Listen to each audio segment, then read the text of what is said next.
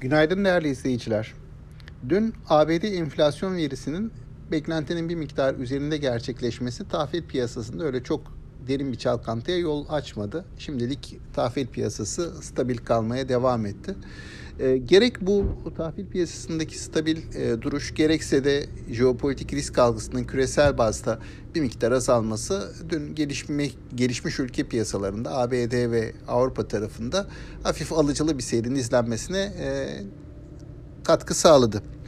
Yurt içi tarafa döndüğümüzde ise e, bizim tarafta dün yine borsanın yatay seyrini koruduğunu gördük ve hisse değişimleri de devam etti. Hisse değişimleri tarafında önceki günlerde bu kapanma senaryosuna uygun olarak e, yatırımcıların genelde gıda, gıda perakendeciliği ve ilaç şirketlerine yönelim sağladığını görmüştük. Bu hisselerde dün kar satışları vardı. E, dolayısıyla aslında borsadaki yatırımcı e, ilgisinin de veya yatırımcı stratejilerinin de bir miktar hızlı oynaklık gösterdiğini e, gözlemiş olduk dün.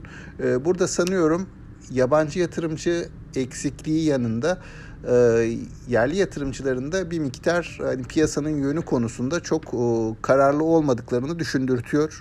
Dünkü özellikle gıda tarafında gelen satışlar bana. Ee, ama genel olan bir şey var. Bu da piyasada bir süredir küçük ölçekli ve primli hisselerden e, bir çıkış olduğunu e, gözlemliyoruz. Dün de biz tüm Y endeksi yani küçük hisselerin yer aldığı endeks, küçük ölçekli hisselerin yer aldığı endeks diğer endekslere göre daha sert bir düşüş gösterdi. Son 2-3 gündür böyle bir eğilim var piyasada.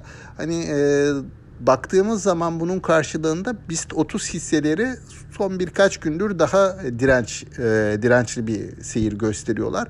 Bu da bence hani küçük hisselerden e, çıkışın e, büyük endeks hisselerine doğru girişin e, bir miktar e, piyasada anlamlı bir hale geldiğini düşündürtüyor bana. Özellikle bu küçük hisselerdeki prim yılbaşından bu yana olsun, e, 2020 yılı Mart ayından bu yana olsun çok ciddi boyutlara ulaşmıştı. Oradan bir miktar çıkış olduğunu düşünüyorum. Bugüne dönecek olursak bugün piyasanın e, çok önemli bir veri akışı yok. Yani yalnız yarın e, işte e, malum para politikası kurul toplantısı var Perşembe günü.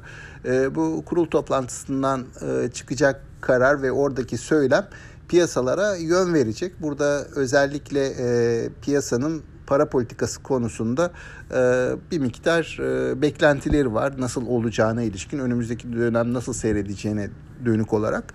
E, dolayısıyla bu bir miktar yarın e, bu sorular cevap bulmuş olacak. Ama önümüzdeki haftalardan itibaren yine jeopolitik düzlemde olsun. Kar açıklamaları var tabii bu çeyreğin sonundan başlayarak. Kar açıklamaları olsun. Borsada haber akışları daha yoğun bir şekilde devam edecek. E, sanıyorum piyasa şimdilik bu güçlü haber akışının da olmayışın nedeniyle e, yatay bir seyir izler gibi geliyor bana. E, bu eğilim içerisinde dünküne benzer şekilde işte küçük ve primli hisselerden endeks hisselerine kısmen belki bankalara çünkü bankalarda da benzer bir eğilim gözlüyoruz. Kısmen bankalara geçişler sürebilir bu dönemde. Fakat endeks bazında bir yatay hareket korunur diye tahmin ediyorum.